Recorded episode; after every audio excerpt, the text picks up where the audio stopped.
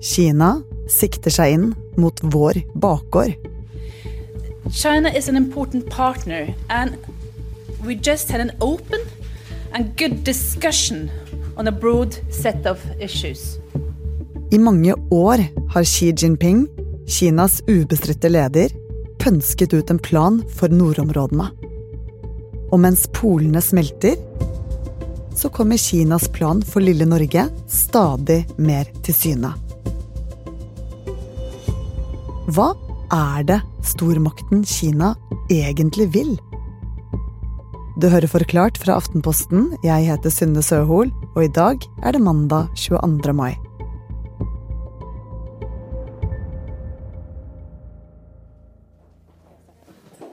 Ladies and uh, gentlemen, welcome to this uh, press conference. The ministers will now give their remarks. Foreign Minister, the floor is yours. En varm og nydelig vårdag for, for, litt siden så stimlet en gjeng med norske og internasjonale pressefolk sammen i en, en flott sal i, i, Oslo sentrum. Og vi var der for å, å se på og høre på Qin Gang, den, den relativt ferske kinesiske utenriksministeren, for han hadde nemlig brukt hele den dagen på å snakke med norske politikere, altså statsminister og utenriksminister og, og stortingspolitikere. Og han var i Norge som ett av bare tre land på en eh, bitte liten europaturné, hvor han først hadde vært innom Frankrike og Tyskland, før han da fløy opp til, til Oslo. Og Kristoffer Rønneberg, du er journalist her i Aftenposten, og du var på den pressekonferansen. Men hvorfor var han her egentlig? Nei, akkurat det var det veldig mange som lurte på idet han kom til, til Oslo. Eh, spesielt fordi det hadde ikke gått mer enn to og et halvt år siden sist gang en kinesisk utenriksminister var, eh, var her på besøk. Så jeg, jeg, brukte litt tid i, i, forkant på å spørre folk som kanskje kunne vite noe, noe, om det, men eh, fra kineserne så var det helt tyst, og fra norske kilder, også både i og utenfor UD, så virket det egentlig som om alle var like nysgjerrige som, som meg på, på, dette her, og at ingen egentlig hadde noen helt klare svar. Men det var jo unektelig litt rart da, at han skulle til lille Norge. Den kinesiske utenriksministeren ble tatt imot av Jonas Gahr Støre og Anniken Huitfeldt. You and I had our first uh, meeting today after your appointment, and thank you so much for visiting Norway. Og selv om ingen visste helt hva som sto på den kinesiske agendaen, så hadde man flere teorier på hvorfor Kina sendte en av sine beste menn. En av dem kan være at Kina ønsker å lære om fredsmegling fra Norge. Og så er det en annen grunn til at Chingang kom til, til, Norge, og det kan være at Norge og Kina for tiden samarbeider ganske bra på en del sånne store internasjonale prosesser, eh, spesielt når det gjelder eh, klimakrisen, og der pågår det en del samtaler på, på høyt nivå som, som, de kanskje ville fortsette eh, her i, her i Oslo.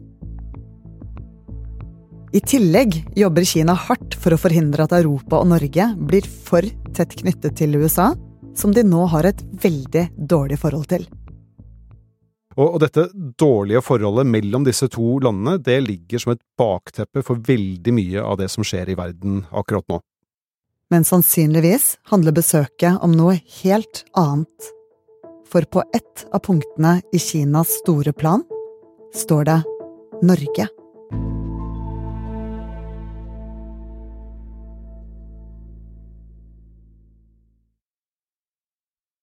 Kina har de siste 40 årene gått fra å være et lut fattig land som lå med brukket rygg etter kulturrevolusjonen, til å bli eh, verdens nest største økonomi, og hovedårsaken til det, det er at Kina har produsert varer som de har solgt til resten av verden og sendt ut som vi da som forbrukere kan dra god nytte av. Så se for deg jordkloden. For å sende disse varene til oss europeere så må skipene med konteinere seile fra Kina i øst, rundt og under hele Asia, og til slutt inn i Middelhavet. Og denne handelsveien kalles for Silkeveien.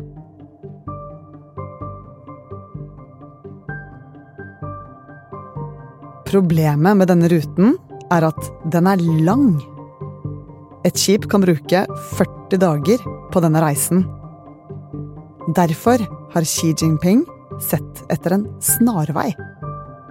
Fordi kinesiske myndigheter de ser en ganske stor mulighet i at isen i Arktis er i ferd med å smelte.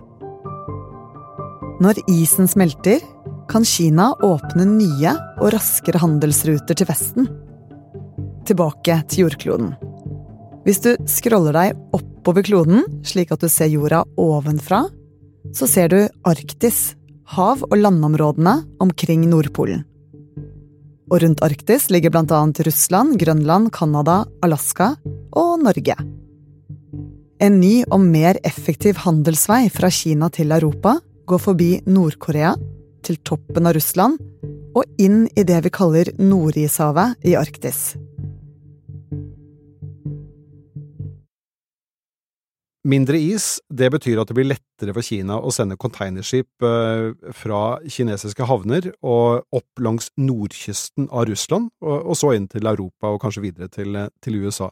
Og det er en rute som kan korte ned reisetiden med 30–40% altså to uker, sammenlignet med de sørlige rutene som, som brukes i dag. Og, og, det uttalte målet, altså det som er tydelig i kinesiske uh, policydokumenter, det er at Kina skal bli en polar stormakt innen 2030, og 2030, det er jo faktisk bare syv år til. Med en ny polar silkevei vil Kina komme tettere på Norge. Men er det så ille, da? Det trenger jo ikke nødvendigvis være så ille. Altså, det er mange fordeler med at Kina øker interessen for, for Arktis. Altså, blant annet så betyr all denne forskningen eh, at eh, forskning også på klimaendringer får ekstra midler, og det, det er jo til alles fordel. Og, og, hvis det blir noe av disse handelsrutene, så kan jo også det skape store inntekter, i, i spesielt de nordligste delene av, av Norge. Men når, når, det er sagt, så er det også flere grunner til å være litt på vakt her. Som på hva da? Kinas uh, satsing på polområdene det er faktisk underlagt det samme departementet som satsingen deres på Sør-Kina-havet. I Sør-Kina-havet så har de uh, tatt kontroll over massevis av atoller og skjær og bygget opp der, til tross for at de egentlig ikke har lov til det. Um, og så er jo ikke, Vi er jo ikke der når det gjelder Arktis, men Arktis er litt sånn vill vest akkurat nå. Det er et stort område som blir stadig mer åpent og tilgjengelig. Mye av det er i internasjonalt farvann, og det kan kanskje være et eksempel på hvordan Kina opptrer når de ønsker eh, kontroll over naturressurser og, og geografiske områder. Havområdene i Arktis eies ikke av noen land. Men de åtte landene som berøres av Arktis, annet Norge, er med i det som heter Arktisk råd. De skal finne ut regler for dette området, hva som er lov og ikke. F.eks. når det gjelder handelsruter og utvinning av naturressurser. Og det er kanskje her vi finner nøkkelen til hvorfor den kinesiske utenriksministeren besøkte Norge. Norge overtok faktisk som leder for Arktisk råd dagen før eh, utenriksministeren, eh, altså Qingang, kom til Oslo. Og de neste to årene så er det Norge som har formannskapet i Arktisk råd.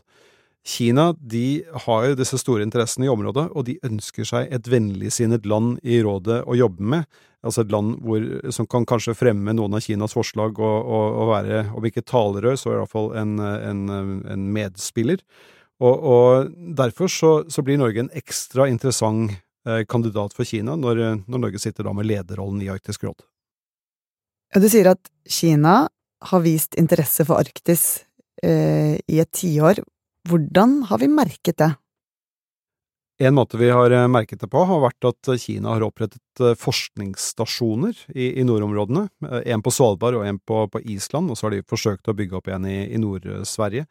De har også prøvd å kjøpe opp både havner og flyplasser og annen liksom, infrastruktur i, i, Arktis, for eksempel på Grønland, og, og de viste en sterk interesse for, for, Kirkenes. Men der har de møtt ganske mange stengte dører fra, fra skeptiske myndigheter i, i disse nordiske landene. Eh, aller mest hell, spesielt nå de siste årene, har de hatt i, i Russland, der, eh, der, Kina har investert ganske tungt i flere mm, store prosjekter, blant annet et, eh, et enormt gassfelt hvor de har kjøpt seg, kjøpt seg kraftig opp.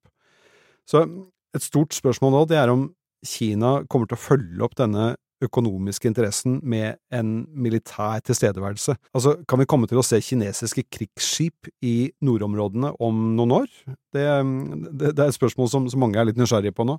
Men uh, da, da Gang, utenriksministeren, ble spurt om det da han besøkte Oslo, så, så avviste han det veldig, veldig kontant. And we wonder how will this increase presence be felt in the Arctic region? Would we be expecting Chinese warships to defend Chinese interests in the Arctic? Uh, I've never heard China saying that it wants to become a polar major power, nor in China we said that we would send warships into the Arctic region. Det var litt overraskende å høre Qingang avvise dette her, fordi tidligere, eh, for bare noen måneder siden, så sa Kinas eh, spesialutsending til Arktis at man kan ikke utelukke at kinesiske krigsskip eh, også kan eh, komme til å patruljere i, i, nordområdene. Og dette er noe som vestlige land, spesielt USA, har advart mot i flere år. Jens Stoltenberg advarte mot det for, eh, for halvannet år siden. Og nå sist i Forsvarskommisjonens rapport, som kom for bare noen uker siden, så står det også at man kan se for seg at kinesiske og russiske marinefartøy kan ha felles øvelser i, i nordområdene. Så det at Qingang eh, avviste det, det, det var en liten, eh, en liten, overraskelse. Så hva Kina egentlig planlegger å gjøre militært i nordområdene, det er fortsatt eh, helt umulig å si noe om. Uansett så er jo dette noe myndighetene i alle de arktiske landene tenker på for tiden, og og så I tillegg til da dette med, med, krigsskip, så er det jo faren for eh, spionasje. Eh, og det, det kan vi også lese om i, i E-tjenestens rapport eh, hvert, hvert, år, og vi vet også at det er noe Russland og USA spesielt er, er ganske bekymret for. Så en ny polar silkevei over Arktis, kinesiske forskningsstasjoner på Svalbard og investeringer i russiske gassfelt. Hvordan skal Norge forberede seg på alt dette? Det er klart at Norge, som da sitter som ett av åtte medlemsland i Arktisk råd, og som da i tillegg har lederrollen i, i rådet for tiden, eh, har en ganske viktig posisjon. Og for Norges del så er det helt nødvendig, som et bitte, bitte, bitte lite land i global sammenheng, at det finnes internasjonale lover og regler og et system som, hvor alle følger de samme reglene. Hvis det er stormaktene som får lov til å ture fram og forsyne seg med hva de vil og gjøre som de vil, så er det små land som Norge som har mest å tape på det. Men Kristoffer, når eh, vil den nye ruta bli mulig? Når kommer vi til å se kinesiske containerskip i nord? Allerede nå så er det mulig å sende containerskip langs eh, ruten nord for, for, Russland eh, i korte tidsperioder hvert år, um, men den perioden kommer til å bli lengre og lengre eh, jo lenger ut vi, vi kommer, og jo, jo, mer av havisen som smelter. Men det er lenge til at dette kommer til å bli en, en fast rute som mange kommer til å bruke. Men det som er helt sentralt, er at man får etablert reglene på forhånd, sånn at det ikke oppstår konflikter i disse områdene, for det kommer eh, land som Norge til å tape stort på.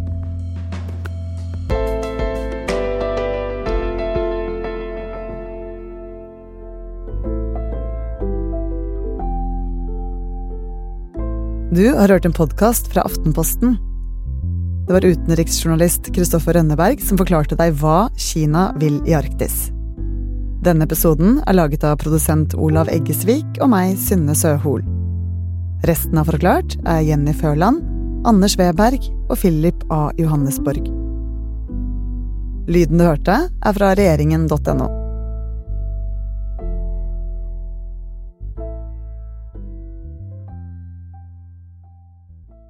Ok, det finnes spørsmål som det ikke er så enkelt å google, typ Ukraina-krigen. Hva er det som gjør at soldater springer tilsynelatende frivillig inn i døden? Jeg tror ikke jeg kan sammenligne det med noen ting som har skjedd i livet mitt før. Og hvorfor sier folk som jobber med kunstig intelligens at maskiner begynner å bli bevisst? Når du prosesserer informasjon og tar intelligente beslutninger, da er vi farlig nær tenking. Og hvorfor har vi i det hele tatt et strømmarked når det gir oss dyr strøm? Sjansen for at dette kunne gå galt, var jo veldig stor. Jeg heter Marit Eriksdatter Gjelland, og i denne nye podkasten Dypdykk så nerder jeg og kollegaene mine på tema som former tida vi lever i. Mest fordi vi er genuint nysgjerrige og fant ingen gode svar da vi googla, men også for å gi deg en helt ny innsikt og ta med til bordet neste vennepils. Sjekk ut Dypdykk, D-I-P-D-I-K-K,